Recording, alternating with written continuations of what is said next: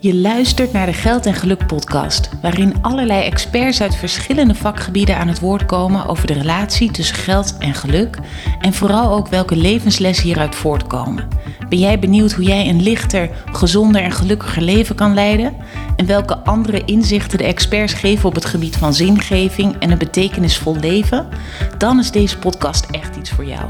Ik ben Emma Hafkamp, GZ-psycholoog, coach en yogatherapeut en oprichter van Praktijk Lux.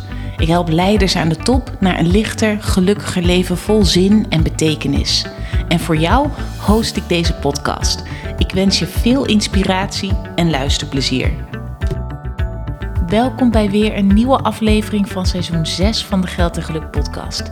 Deze keer een aflevering met een dubbele primeur, aangezien er iemand de gast is die voor het eerst voor de tweede keer in gesprek gaat met mij in deze podcast. En het is voor het eerst dat ik iemand spreek die klant bij mij is geweest. Ik heb het over niemand minder dan Di Carter. In seizoen 2 heeft Dai verteld over zijn boek Nu of Nooit. En inmiddels is er een tweede boek, Mentale Kracht. Staat hij in het theater, geeft hij vele lezingen en heeft hij een prachtig en intensief persoonlijk proces doorlopen. Openhartig vertelt Dai in deze aflevering over zijn ervaring met het Lux-traject dat hij bij mij heeft gevolgd, over zijn oude wonden, transformatie en natuurlijk hoe het nu met hem gaat. Luister mee, laat je inspireren en raken door de mooie en kwetsbare kanten van Dai. Daar gaan we beginnen. We hebben eigenlijk een primeur. Uh, want er is nog niet eerder een gast voor de tweede keer in de podcast geweest. Oké. Dus uh, nou, deze is geheel voor jou. Um, en waarom ik jou vroeg is eigenlijk twee dingen. Uh, tijdens de eerste podcast aflevering hebben we het over jouw eerste boek gehad. Um, en uh, inmiddels is er een tweede boek en is er ook veel gebeurd en veranderd in jou en in jouw leven. Onder andere doordat wij ook samen op pad zijn geweest uh, voor negen maanden. Zeker. Dus het leek me heel mooi om uh, nou ja, eigenlijk dus een deel 2 op te nemen. Om te spreken over waar je nu staat in het leven. En wat er dan allemaal voor jou uh, veranderd is. Mm. Um, maar misschien om te beginnen, een tweede boek. Wist je tijdens het schrijven van het eerste boek al dat er een tweede aan ging komen? Mm, nou, ik moet eerlijk bekennen dat ik tijdens het schrijven van Nu of Nooit, dus het eerste boek, in zo'n, ja, laten we zeggen, flow zat dat ik echt volledige focus had voor dat boek. Maar wel, denk ik, met de intentie om meer te gaan schrijven.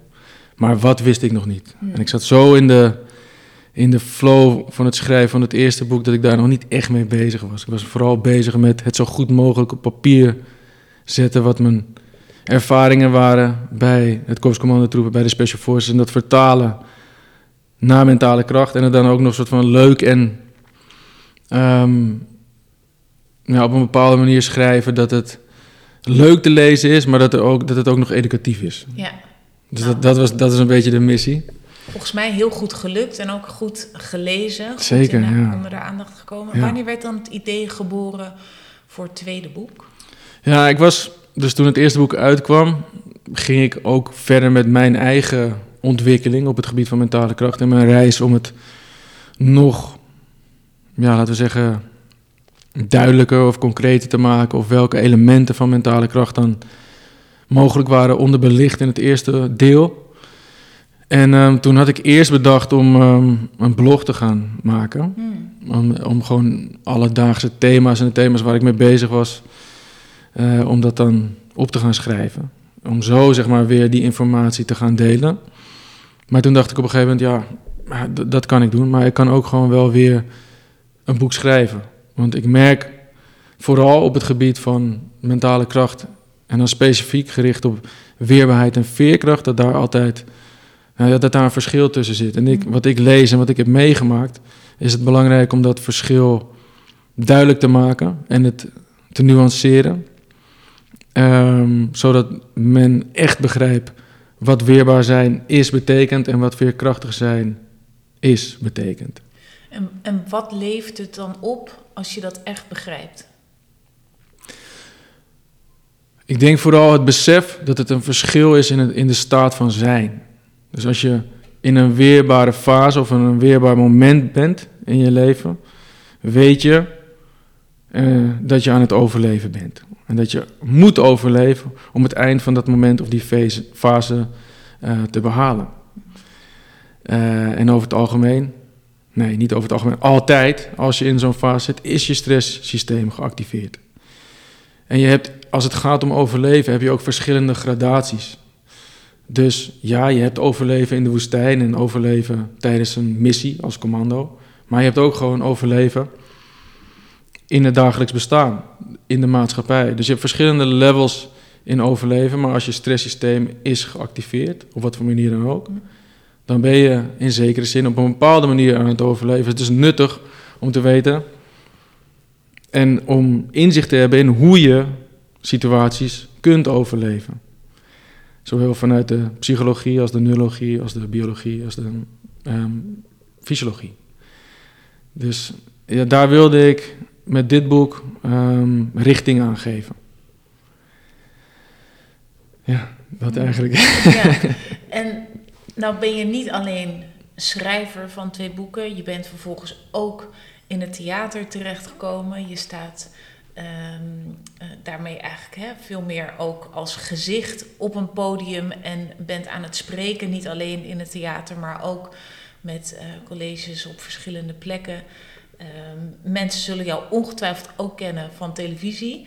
Dus je hebt eigenlijk allerlei verschillende vormen om uiting te geven aan deze boodschap of aan jouw missie. Zeg ik mm -hmm. dat goed? Ja, zeker. Hoe, hoe zou je in het kort jouw missie dan beschrijven? Uh, nou ja, mijn missie is de mentale kracht van zoveel mogelijk mensen versterken. Mm uh, de hoe, uh, dus hoe ik vorm geef aan die missie, is door op verschillende manieren inderdaad mijn kennis of mezelf te presenteren. Dus ik zie televisie en eh, ja, het tv-programma Kan van Koningsbrugge zie ik als een manier om bepaalde lessen over te dragen. Maar nogmaals, het is tv, dus je hebt ook maar hele korte momentjes om bepaalde dingen soort van mee te geven.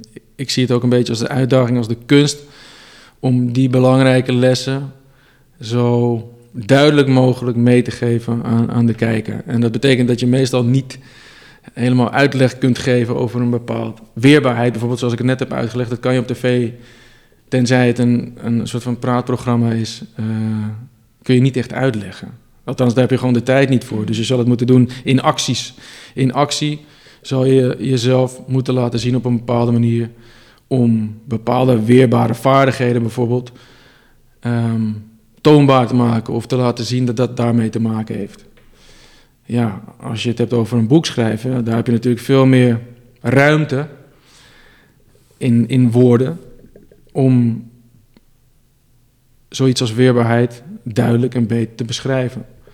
Een podcast is ook weer een manier om bezig te zijn met die missie. Dus ik heb verschillende manieren gevonden, verschillende vormen van media gevonden. Instagram, social media, LinkedIn zijn ook vormen van. Mm. En heb ik zelfs ook gemerkt dat, dat je daar al een verschil in kan maken in wat voor boodschappen je communiceert op Instagram en op LinkedIn, omdat daar een verschil in zit. En hoe je het dus ook communiceert. En dat zie je terug in de vorm van, ik denk, likes. en hoeveel mensen iets reposten, of weet je wel. Dus het is ook um, ja, een, een, bijzondere leerweg om daarmee bezig te zijn. Maar heb ik gemerkt dat ik al die verschillende soorten media ook dus kan gebruiken om mijn missie voor te zetten en mijn missie te versterken. Hmm. Ja, en ik kan me ook voorstellen, hè, naarmate je meer vormen vindt en, en het dus ook steeds een groter publiek bereikt. Want niet iedereen leest een boek en niet iedereen gaat naar theater. Maar doordat je juist al die verschillende vormen gebruikt, spreek je ook een steeds groter publiek aan. Dat je daarmee dus ook steeds bekender wordt. Hoe ga je mhm. daarmee om? Dat merk ik wel echt, ja. En het geldt niet alleen voor mij, dat geldt ook, ja, ook voor Ray. Um, dat na eigenlijk, ik denk, het eerste seizoen was een succes. Maar na seizoen 2 werd het nog groter. Althans, zo ervaar ik het in ieder geval wel. Toen kwam ook mijn boek uit, mijn eerste boek Nu of Nooit. En uh, dat, dat zette gewoon iets in gang als het gaat om uh, namensbekendheid en exposure. Uh, waardoor ik nu merk dat dat echt is gegroeid. Dus ik, overal waar ik kom, dus ook niet in professionele settingen. Het tankstation, de, supermarkt, overal waar ik een broodje ga halen tussen de middag, overal zie ik wel blikken van herkenning of mensen spreken me echt aan. en het zijn eigenlijk altijd wel positieve berichten. Dus ik zie het ook als, nog steeds als positieve energie. Hmm. Omdat mensen eigenlijk altijd wel echt positief zijn. Juist over het effect van wat mijn boeken teweeg hebben gebracht. Of het effect van het televisieprogramma op zowel hun eigen eh, mentale gesteldheid, mentale gezondheid soms zelfs, Hmm. eh, als, als de maatschappelijke factor. Ik was van de week, kwam ik een, ging ik een lezing geven, dat ik nog even een voorgesprek met een van die directeuren van het bedrijf. En dus, eh, hij zei van ja, dan ga ik je aankondigen en dan, dan begin ik wel even met, met dit. Nou ja, Die Carter, als jullie hem eh, niet kennen van televisie, het televisieprogramma Kam van Koningsbrugge, dan is dat een cultureel gebrek. nou ja, ik weet natuurlijk niet of dat echt zo is. Maar ik vind het natuurlijk wel hartstikke tof en mooi dat mensen het op die manier labelen.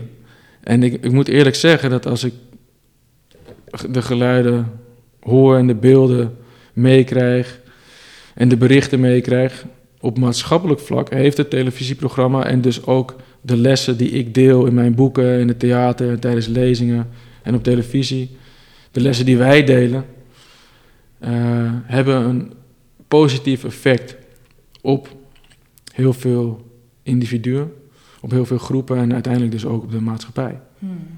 En dat is wel echt eh, bijzonder. Ja. En dat zie je denk ik terug als, je, als, als ik in ieder geval dagelijks mensen op straat of wherever tegenkom die dat op een bepaalde manier uiten ook. En dat, is, dat heeft mijn leven wel, eh, ja, het- nou, ik, ik heb het al vaker gezegd, maar mijn leven in de schaduw is echt, echt voorbij. Dat, eh, there's no way back. En dat vind ik, eh, dat omarm ik ook. Hmm. Ik, ehm, in het begin ja, wist ik natuurlijk ook niet wat dat me zou brengen. Maar nu omarm ik het. En zie ik het ook alleen maar als iets moois wat is ontstaan en waar, ik dus, waar ook kansen in zitten om mezelf te ontwikkelen. Hmm. Dat is het eigenlijk. Ja, want als we het dan hebben over jezelf ontwikkelen, hoe staat het met jouw mentale kracht? Ja, nou, ehm, een stuk beter dan negen maanden geleden. ja, dat is echt zo. Ehm, negen maanden geleden zijn we natuurlijk gestart ook met, eh, met de sessies. En ehm, Ja, dus, dus even voor de luisteraar. Dus jij, jij hebt een, een, een, nou, ik denk een paar weken nadat we de eerste podcast hebben opgenomen, contact opgenomen van hey, kan ik met jou aan de slag? En toen zijn we een traject gestart voor Ja. jou. Ja. ja, een traject. En ik, zou, ik denk dat je wel zou kunnen zeggen een holistisch traject. Hè? Dus jij, jij maakt eigenlijk gebruik van verschillende soorten eh, psychologie om uiteindelijk eh, effecten teweeg te brengen. Althans, zo heb ik het in ieder geval wel ervaren. Dus een, als een holistisch proces. Dus zowel dingen vanuit ehm, meer de, de cognitieve als... Nou ja, al die verschillende stromingen die er zijn binnen de psychologie heb ik wel eigenlijk ervaren. Was dat ook een reden waarom je voor mij ging? Want er is natuurlijk in, nou ja, als je op zoek gaat naar een coach of een therapeut of iets met een traject, hoe je het maar Mhm. wil noemen, is er natuurlijk ontzettend veel aanbod. Ehm, was die, die holistische benadering die ik toepas voor jou de reden om, om bij mij te komen? Ja, niet de reden, maar wel een belangrijke reden. Ik denk dat daar gaat mijn voorkeur naar uit in ieder geval, dat, die holistische benadering. Eh, ja, en tijdens die eerste podcast merkte ik gewoon dat er een bepaald soort klik was. En dat is ook wat ik vaak nu tegen mensen zeg als ik over dit onderwerp praat. Dat als je op zoek gaat naar een coach of, of, of een psycholoog eh, waar je graag mee in gesprek wil gaan, dan is het belangrijk dat je een klik hebt. Want ik heb vaak gezien, zeker bij, misschien heeft het daar wel iets mee te maken trouwens. Zeker mensen, vrienden, collega's van Defensie, die eh, uiteindelijk toch durven hulp te zoeken, wat al best wel lastig is voor, voor die doelgroep, heb ik meegemaakt. Omdat ze altijd vinden dat ze het zelf kunnen en moeten oplossen. Ehm, heb ik vaak gezien en gehoord van hun dat ze ja, het moeilijk vinden om een klik te hebben met degene die hen dan behandelt. En vaak is dat toch ook wel, wel eh, eh, de ruimte die er zit tussen de burgermaatschappij, het interpreteren van wat een militair leven is, maar eigenlijk niet weten wat het betekent om militair te zijn. En eh, dat, dat zorgt toch wel vaak voor een bepaald soort eh, frictie en uiteindelijk ook tot- tot een disconnectie. Mhm. Ehm, dus, dus zeg ik altijd dat, het, dat je. Ik heb geluk gehad, denk ik. Ik heb geluk gehad dat ik bij jou op de een of andere manier. Ik geloof niet in toeval, maar per toeval kwam ik bij jou in de podcast en ehm, ja, zo is dit eruit ontstaan. Ik had meteen een klik met jou en toen nou, kwam ik er ook nog achter dat je die wat meer holistische benadering hanteerde. Dus voor mij was dat gewoon oké, dan uh, kunnen we dit tra traject starten. Um, maar... En, en um, er komen twee vragen om op. Enerzijds, jij komt ook uit die doelgroep waarin het nou ja, nog moeilijk kan zijn om hulp te vragen. Alsof er een beetje ook een taboe op heerst. Van nou ja, ik moet het gewoon zelf even fixen als ik ergens last van heb. Dus wat maakte dat jij daar overheen bent gestapt? En, um, en wat was er überhaupt aan de hand dat je dacht, ik wil ergens mee aan de slag? Nou ja, ik denk dat ik... Ja, sowieso toen ik wegging bij Defensie... Um, wegging bij het KST specifiek... En um, toe was aan een nieuwe uitdaging. En de burgermaatschappij instapte. En dat is ook een onderdeel nu van het theatercollege. En daar vertel ik beeldend bij dat het voelde alsof ik uiteindelijk um, terecht kwam in een perfect gegraven commandoput. En um, dat gebeurt natuurlijk ook gewoon als je heel lang onderdeel bent geweest van een eenheid. Waar je groei mee maakt, persoonlijke groei, maar ook groei in een team. Waar je verbonden bent. En um, waarin je met elkaar werkt aan een bepaalde missie. Als dat opeens. En ook nog eens autonomie ervaart in een hele ja, krachtige setting. Dan. Uh, en dat, dat valt opeens allemaal weg. Ja, dan is het ook logisch, denk ik, dat je in een, in een, in een put terechtkomt. Maar als ik eerlijk ben, denk ik dat ik al langer. Ja, ik zou niet willen zeggen dat ik niet in de put zat, maar wel al langer, veel langer het idee had dat. Oké, alles wat ik al heb meegemaakt in mijn leven, zowel dingen in mijn jeugd als later bij Defensie, dat zijn allemaal ervaringen. Ja, en die hebben een bepaald gewicht. En dat draag ik met me mee. En daar, daar moet ik iets mee gaan doen. Waarom? Nou, omdat ik vader word. En uh, omdat ik geloof dat we als mensen ook de potentie hebben om uiteindelijk bepaalde patronen en, en trauma's die wij krijgen van onze ouders en in bepaalde vorm ook doorgeven aan onze eigen kinderen. Dat we de kracht hebben om, om die patronen in ieder geval te doorzien en in sommige gevallen ook te doorbreken. En dat werd toen onderdeel van mijn, mijn persoonlijke missie om mijn eigen mentale kracht te versterken en mijn vaderschap te beginnen is, oké, ik ga werken aan de shit die ik al mijn hele leven bij me draag, omdat ik een groot deel daarvan het liefst gewoon niet alles natuurlijk, maar dat kan niet. Maar in ieder geval het grootste deel daarvan niet wil overdragen op mijn uh, kinderen. Ja. Dus dat is denk ik een beetje de, de how and the why. Um, maar waar ik dan wel de afgelopen tijd soort van mee... Uh, de, wat ik merk ook in andere podcasts en dingen die ik lees en hoor, is dat, en dat kan het ook niet echt ontkennen, is het feit van, ja oké, maar je hebt dus al die dingen meegemaakt shit meegemaakt. Je hebt al die shit meegemaakt. Maar dat heeft je ook gemaakt tot wie je bent. Dat heeft je ook gevormd. En wat mij dan nu zeg maar interesseert als vader, als ouder, is: is er dan een manier om uh, ja, je kinderen op te voeden of, of hetgene mee te geven dat ze alsnog gewoon weerbare en veerkrachtige kinderen worden, zonder dat ze shit meemaken of hoeven mee te maken? Of dat ze niet zozeer, de, weet je wel, dus dat ze niet mijn pijn ervaren, maar dat je ze alsnog wel pijn laten ervaren, maar op een, op een laten we zeggen, coachende manier of zo. Hmm. Dat, is, dat is iets wat me nu heel erg bezighoudt. Ja. ja. Ja, want, en ik denk dat we het daar ook wel eens over hebben gehad, hè, dat, dat ieder kind ook recht heeft op zijn of haar eigen pijn. Omdat wat je zegt heel erg waar is, daar leer je van en groei je van en ontwikkel je door. Uh, maar dat, dat vooral bij jou ook speelt van ja, maar zij mogen dan hun eigen pijnen tegen gaan komen, maar ik wil niet mijn pijnen Precies, ja. aan hun overdragen. Ja. Of... En ik denk, en daar wilde ik inzicht in krijgen. Mm. En van welke, met welke, hè, met welke pijnen, pijntjes wilde ik zeggen, maar met welke pijn, pijntjes en pijn, allebei, met welke loop ik rond. En um, hoe kan ik daar inzicht in krijgen? Omdat ik weet dat de pijn die je ervaart, inderdaad vorming creëert. Dat zie je ook in het televisieprogramma natuurlijk nu elke week. Uh, en dat komt terug in mijn boeken en in de commandoopleiding. Al die dingen. Die pijn zorgt voor vorming. Maar het laat ook littekens achter. En um, het, is, het is waardevol om inzicht te krijgen in hoe ja, die wonden dan zijn ontstaan en wat je ermee kunt doen uiteindelijk.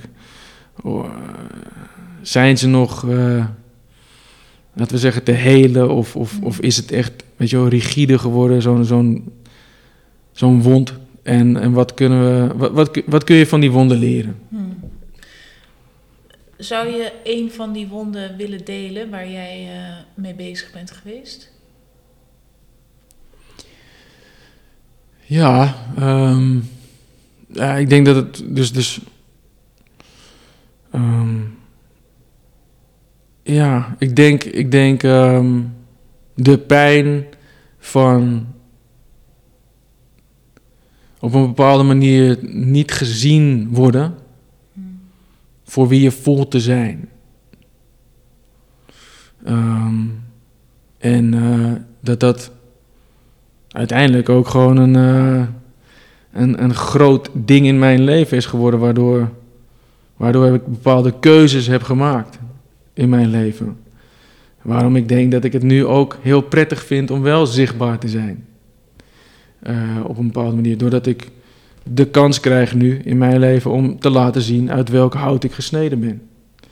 En dat dat blijkbaar dus waardevol is voor um, heel veel mensen. Omdat ze daar ook van leren. En, en ik denk vaak, wat ik merk, is ook gewoon de gelijkenissen zien in hun eigen leven, in hun eigen verhaal. En dat ze dan voelen en ervaren, oh oké, maar als Dai of iemand anders zo'n transformatie kan doorgaan en meemaken, dan kan ik dat ook. En, um, en dat vind ik belangrijk, denk ik, om mee te geven, omdat ik daar ja, daar ook de kans in zien. Dat is ook de reden waarom ik, waarom ik bereid ben om hier met jou te zitten en over dit onderwerp te praten. Omdat, omdat ik weet dat dat verhaal, mijn verhaal, en verhalen net als mijn verhaal, uh, voor een groot deel ook gaan over transformatie. En dat vinden mensen altijd boeiend om te horen. Hmm. Ik vind het zelf ook boeiend om te horen van, oh, oké, kom je daar, kom je daar vandaan en ben je nu hier? Hoe dan? Ja. Hoe? Hoe is dat gebeurd? Ja.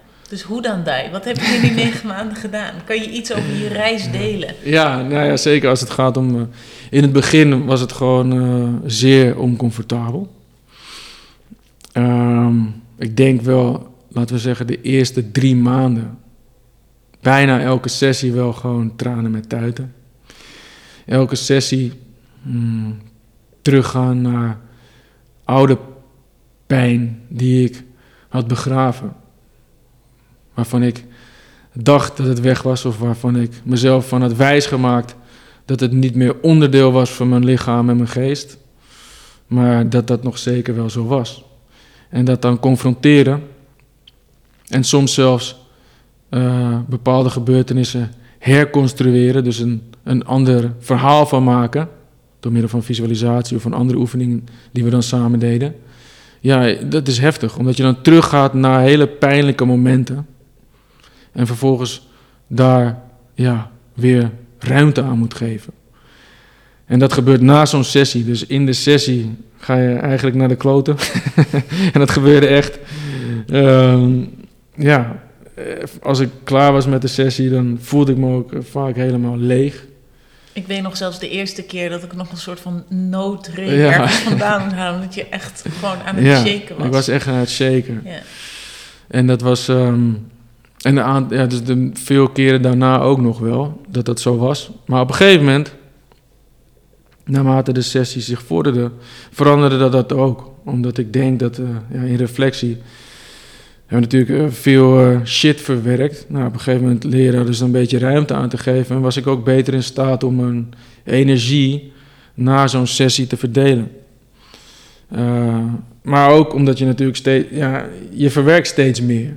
Dus ontstaat er ook steeds meer ruimte. Hmm. En uh, zo heb ik dat eigenlijk die negen maanden ervaren. De eerste drie maanden, zes maanden Waarvan de eerste drie echt wel echt veel verwerking, heel oncomfortabel. Naar iets lichter, naar nog steeds veel verwerking. En dan uiteindelijk die laatste drie maanden soort van een stuk lichter. En het in staat zijn om ook uh, de tools of het gereedschap wat ik meekreeg tijdens de sessies toe te passen in het dagelijks leven. En dat heeft er uiteindelijk voor gezorgd, denk ik, dat we ook na negen maanden konden zeggen, een soort van in een samen eigenlijk, uh, van oké, nou we hebben dit en dit allemaal gedaan. Dit is hoe ik erop terugkijk, dit is hoe jij erop terugkijkt. Um, en voor nu is het ook oké. En uh, gaan we er even, tenminste zo, zo, heb ik het dan zelf ervaren, van nu, nu is het ook even oké. we hebben veel behandeld, we hebben veel gedaan. En nu wil ik het ook gewoon weer even laten flowen. Ja. En, en dat geeft ontzettend veel ruimte. Want um, ik voel me inderdaad ook een stuk lichter. Sterker nog, ik ben in staat om over dit soort thema's te praten voor volle zalen. Uh, dat was in het verleden niet zo. Hmm. Um, ik durf voor een hele zaal mensen te huilen. Wat in het verleden niet zo was. Wat laatst zelfs gebeurde, terwijl ik het niet had. Dat, dat plan ik natuurlijk niet. Hè. Het is niet zo dat ik als een. Eh, ik sta wel in het theater, maar in, in dat opzicht ben ik geen acteur. Dus wat je ziet, dat voel ik ook echt. Mm. En laatst gebeurde het zelfs. Ik was gevraagd om een lezing te geven bij veteranen. Ehm, en of ik daar dan iets wilde vertellen. Dus uiteindelijk vertel ik ook iets over die spreekwoordelijke rugzak en het gereedschap en het in de put terechtkomen en uiteindelijk eruit komen. Maar wat wilden ze nou voor deze lezing? Ook nog een krans leggen daarna bij een monument in de buurt. Ik dacht, ik dacht allereerst, wow, oké. Ik zei tegen mevrouw, ik word gewoon eh, gevraagd om een krans te leggen. Dat had ik nooit Ik heb vaak genoeg bij ceremonies gestaan om eh, als soldaat, als onderdeel van de ceremonie. Maar ik, ik, had nooit gedacht dat ik zelf een krans zou mogen leggen. Maar die organisatoren hadden gevraagd of ik een tekst wilde op, op mijn lintje. Toen dacht ik, een tekst? Wat ga ik nou... Uh, nou ja. Maar het eerste wat in me opkwam was in Valhalla. En toen dacht ik, oké, nou goed, dat komt als eerste in me op. Maar er zit een verhaal achter. En eh, ik vond het een beetje vreemd om dat eigenlijk te vragen. Want het, ja, het heeft iets met de Noorse mythologie en mensen. En dan moet je dus gaan uitleggen waarom je dat hebt gedaan. Dus toen dacht ik, nou, dan maak ik dat onderdeel van mijn verhaal. Dus ik ga uitleggen waarom ik heb gekozen voor deze woorden in Valhalla. Dus um, ik sta daar in een zaaltje uh, voor een groep mensen, voor een groep veteranen van zelfs nog Nederlands-Indië, uh, uiteindelijk mijn verhaal te doen. Ik ga dus vertellen waarom ik heb gekozen voor in Valhalla. En het verhaal wat erachter zit is dat um, meestal na uh, een missie of als, als commando-broeders in mijn geval, waren het commando-broeders of maatjes waar je een, een, diepere verbinding mee had, op missie zouden gaan of, uh, of je weet dat je ze een tijdje niet gaat zien, dan zou je kunnen zeggen invallen. Dus ik, zie je eigenlijk in het, uh, in het waar alle vikingen, als ze kwamen te overlijden, terechtkwamen. Als ze als echte krijgers op het slagveld waren gestorven. Kwamen ze terecht in Valhalla en dan gingen ze de hele dag nog lekker doorknokken en bier drinken met, uh, met, met de goden. En um, dat is iets ook wel wat je vaker ziet terugkomen binnen Special Forces Community. Of als iemand komt te overlijden, dan zie je vaak die woorden nog wel eens terugkomen. Van oké maatje, ik zie het daar wel, ik zie het hier normaals. En ik heb het ook bij een paar van mijn maatjes op foto's achterop geschreven, die ik dan aan hun uh, als cadeau gaf. Maar het idee ervan is, is dat je eigenlijk um, als militair, als commando, um, op missie gaat en wat er vaak gebeurt, waar mensen zich niet, althans buitenstaanders, niet echt bewust van zijn, is, is dat als je dan terugkomt van een missie en je bent thuis, dat je meestal, mijn ervaring is, zeker onder mijn, mijn oud-collega's en mijn beste maatjes, is dat je na twee weken zoiets hebt van, hm, is dit het? Ik wil eigenlijk terug. Ik wil terug naar, de, naar het zand en naar de choppers en naar de bergen of weet ik veel wat. Ik wil terug naar die missie. Want als je op missie bent, heb je inderdaad één team en één taak. Is alles helder en duidelijk. Je weet voor een aantal maanden wat je gaat doen. En alles is gewoon eigenlijk best wel simpel. Ja, natuurlijk heb je te maken met de dreigingen die zich daar afspelen in specifieke gebieden. Maar je weet wat je tegen die dreigingen kan en moet doen, want daarvoor ben je getraind en opgeleid. Sterker nog, soms verlang je er zelfs naar. Maar als je thuis komt, dan eh, komen de brieven binnen van de belasting. Moet je naar de Albert Heijn toe. Kom je naar Albert Heijn, dan zie je duizenden keuzes. Terwijl je maar gewoon één ding wil. Ik wil gewoon yoghurt. En hier staan vier verschillende soorten yoghurt. Eh, dus al die dingen komen dan op je binnen van hoe de maatschappij eigenlijk op een bepaalde manier gewoon een soort van uh, niet strookt met wat je een aantal maanden hebt beleefd. Dus je verlangt terug naar die missie. En um, de vraag die ik dan vaak kreeg van mensen ook, van ja, maar mis je het niet? Mis je dat leven niet? En dan zeg ik, ja, weet je, ik denk dat ik het uh, drie jaar lang, of twee jaar, uh, nee, tweeënhalf jaar, om specifiek te zijn, tweeënhalf jaar lang miste ik het bijna elke dag.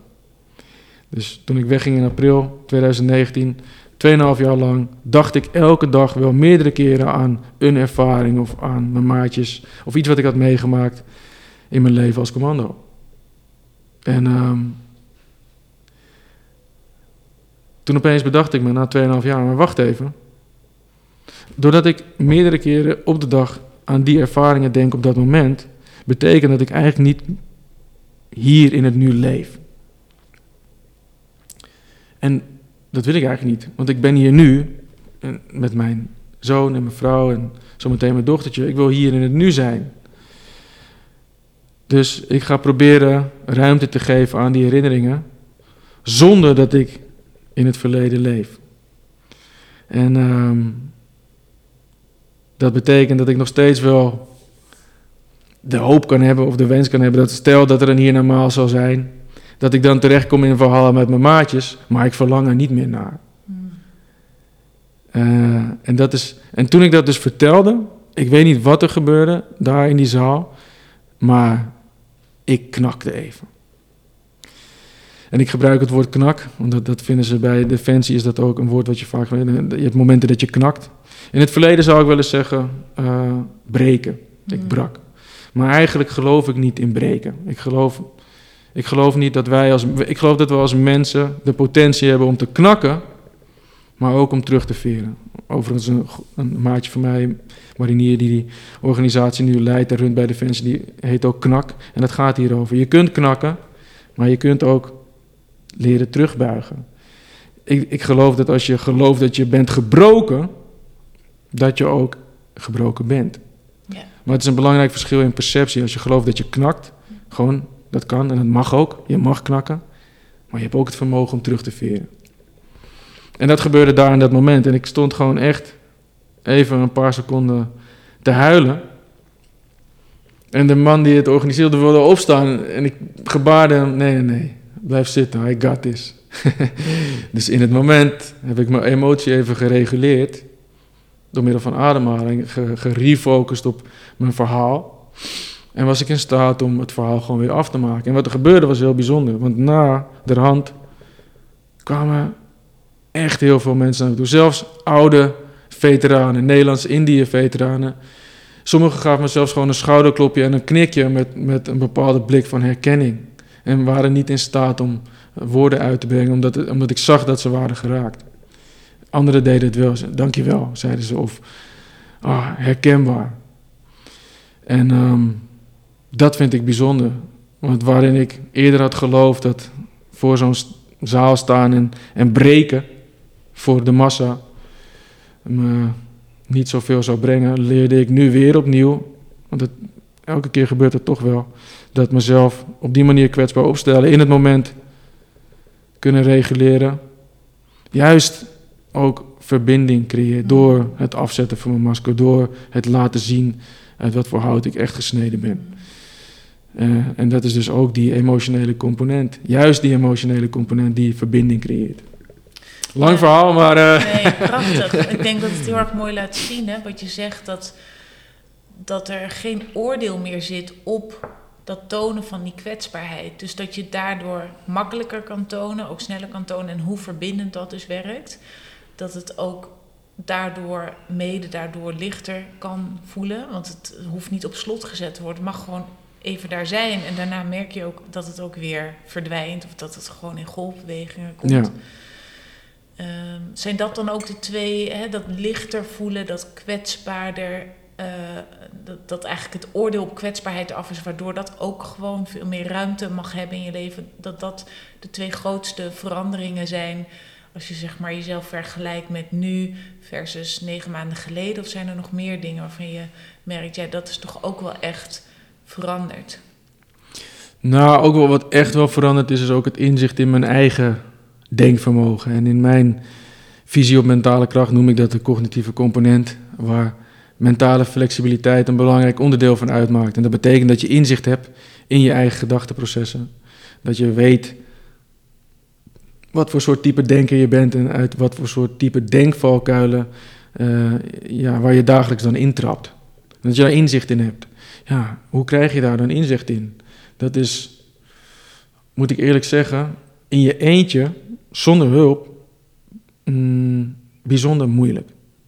Ik zeg niet dat het niet kan, maar het is bijzonder moeilijk. Je hebt de ander nodig om gedachten uh, te spiegelen uh, om inzicht te geven in, in, in je zelfkennis en in je zelfbeeld en hoe dat met elkaar strookt en, en de buitenwereld, dus binnenwereld, buitenwereld.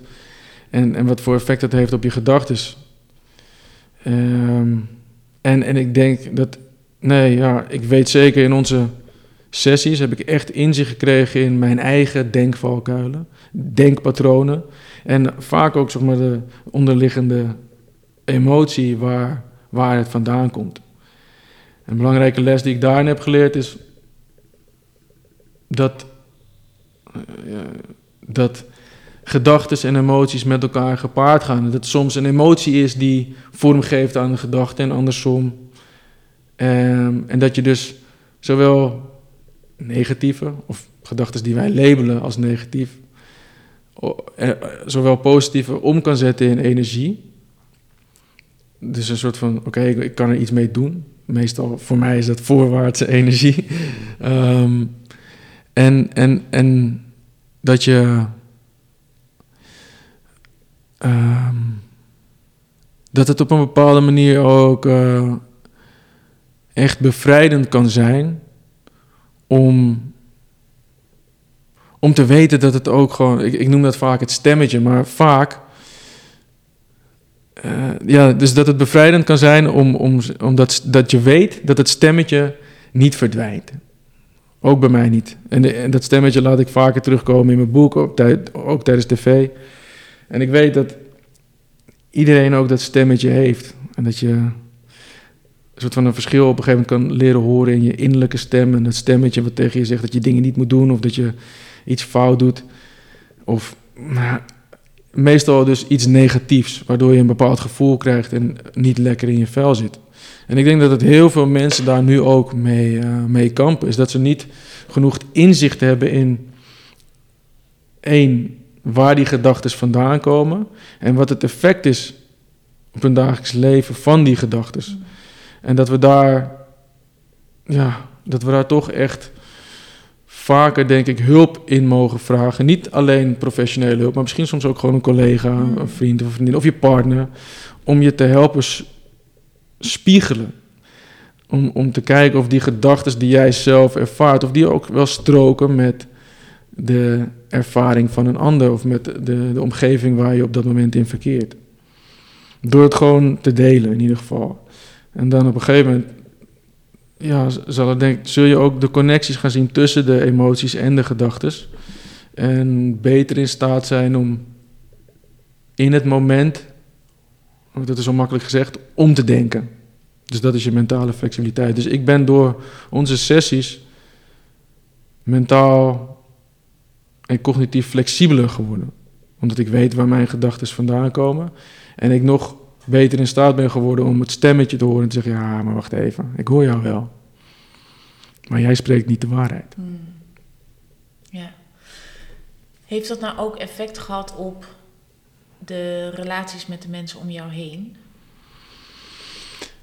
nou ja, niet zozeer, niet specifiek dat cognitieve, maar het hele, het hele proces heeft, um, heeft bijgedragen aan nou, mijn relatie nu met mijn vrouw, uh, aan onze relatie, aan de relatie met mijn kinderen, met mijn ouders. Omdat ik gewoon inzichten heb gekregen in, uh, in processen die al heel lang geleden zijn begonnen. En, um, en dat maakt dat er nu meer ruimte is voor liefde en um, voor heling. Want dat is uiteindelijk, denk ik, waar ik naar op zoek was. Is om. Uh, ik geloof niet echt in verwerking. Volgens mij hebben we dat toen een keer ook behandeld. Van, uh, uh, mensen gaan vaak naar een. Of ik denk, ik weet ik zou niet over één kan willen scheren, maar. en moet wel opletten. Um, ik denk dat vaak mensen zoiets hebben van: oké, ik ga naar een psycholoog toe om iets te verwerken. Maar dan ervaren dat het niet weggaat.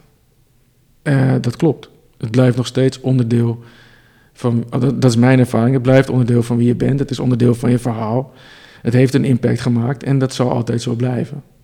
Maar dat betekent niet dat ik, uh, dat ik het eh, anders, op een andere manier kan dragen, zeg maar. En um, ik geloof ook niet dat.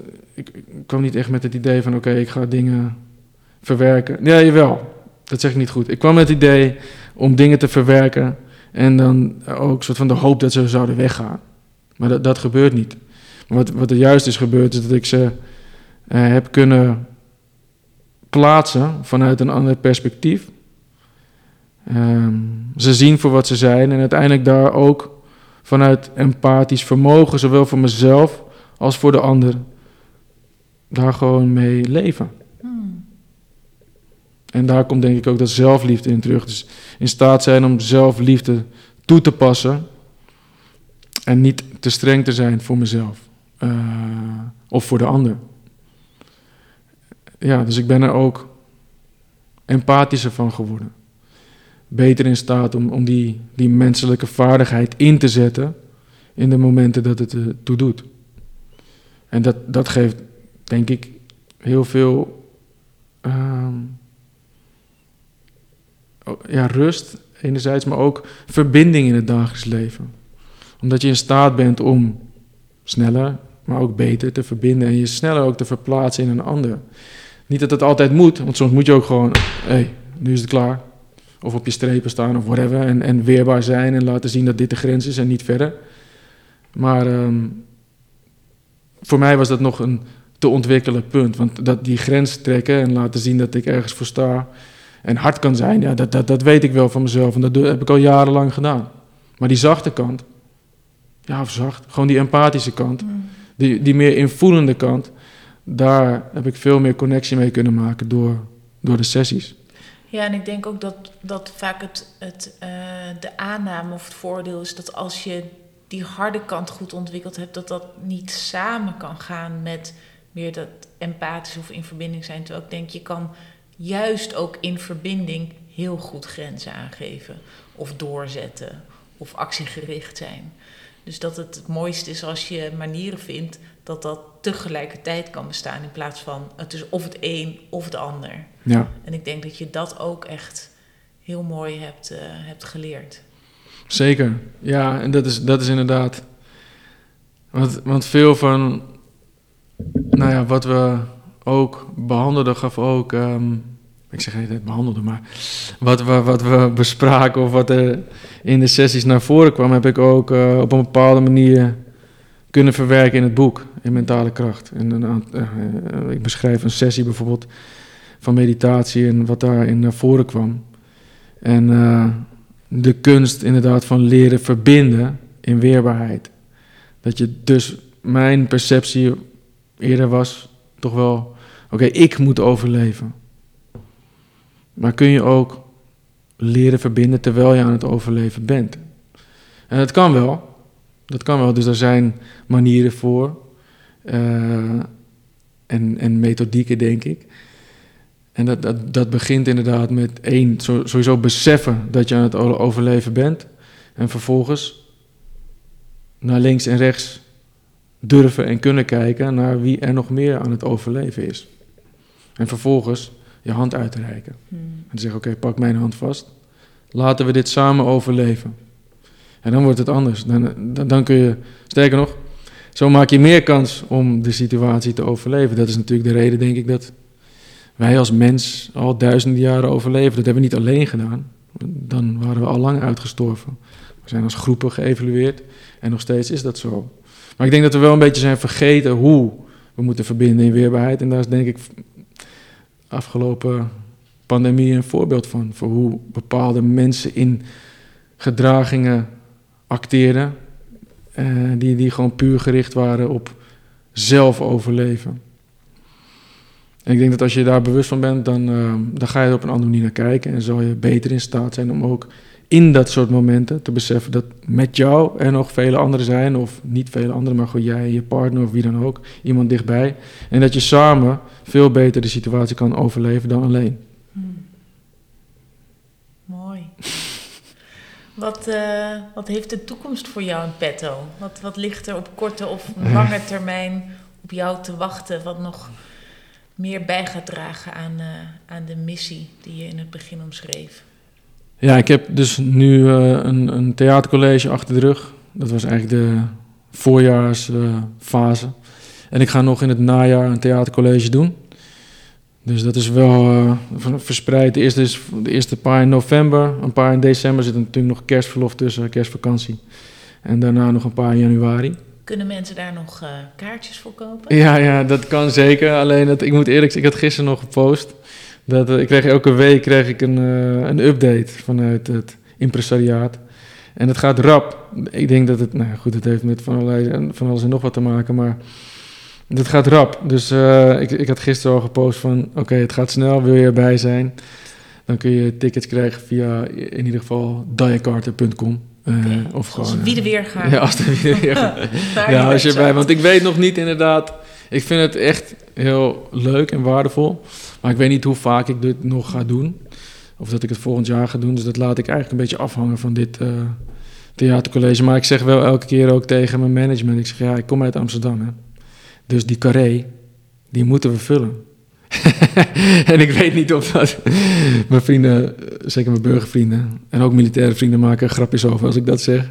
Maar ik zie het wel voor me. Dus uh, daar gaan we naartoe werken. Ik weet niet of het echt gaat gebeuren, maar dat is wel.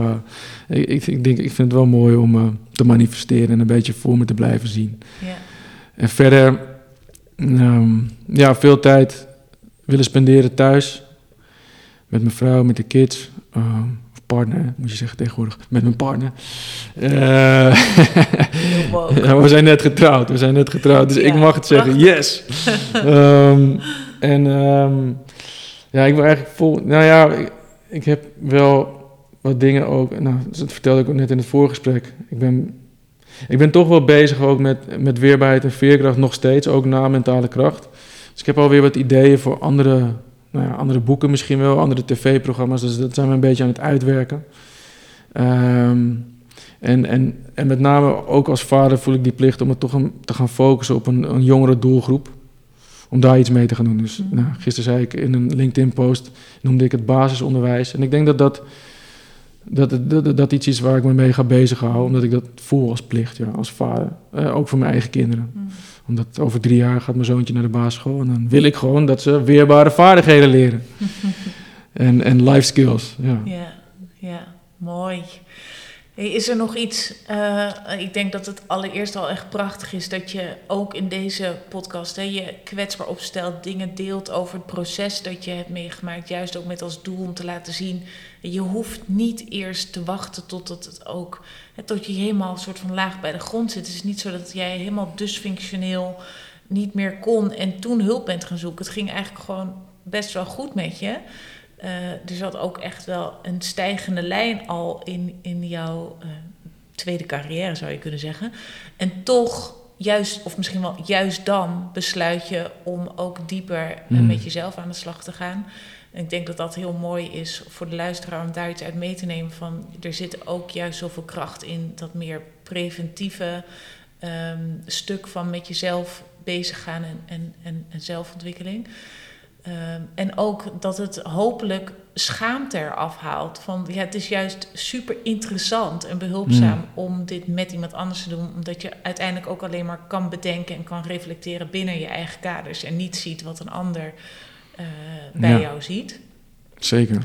Um, maar is er nog iets anders wat je uh, als slot misschien nog mee wil geven of nog wil benoemen voor, uh, voor de luisteraar?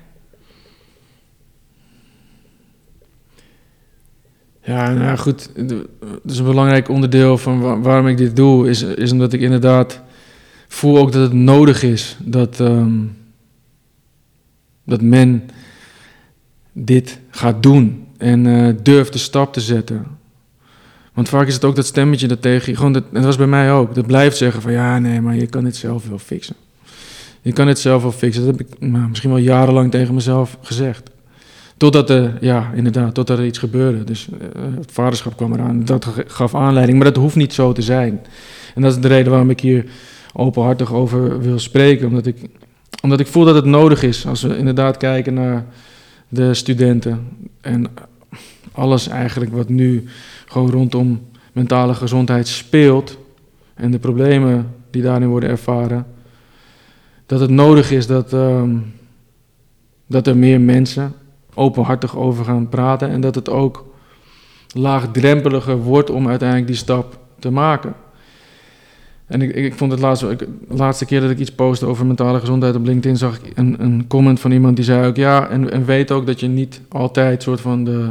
Want vaak zien mensen de stap naar een psycholoog als nou, een grote of een extreme stap.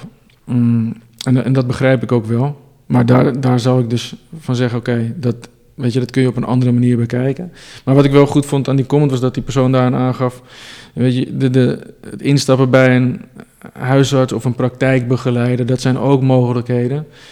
En, en daarvoor alleen al de stap zeg maar, naar een, iemand die je vertrouwt in je omgeving, een collega, een vriend, een vriendin, je partner. Om daar al iets van wat je bij je draagt, in zowel emotie als gedachten, te delen.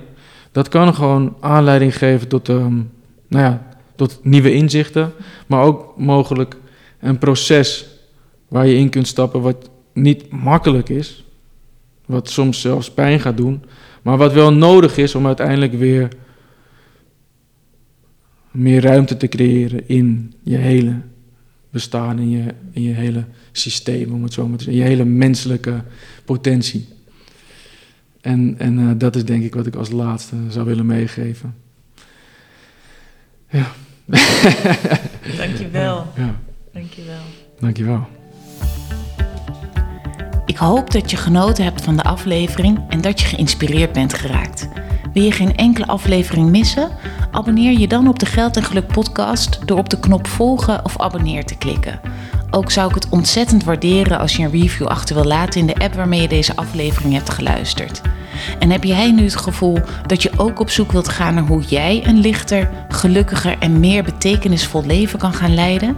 Bekijk dan mijn aanbod op de website www.praktijk-lux.nl of connect met mij op LinkedIn of Instagram. Ik kijk er naar uit om je te ontmoeten.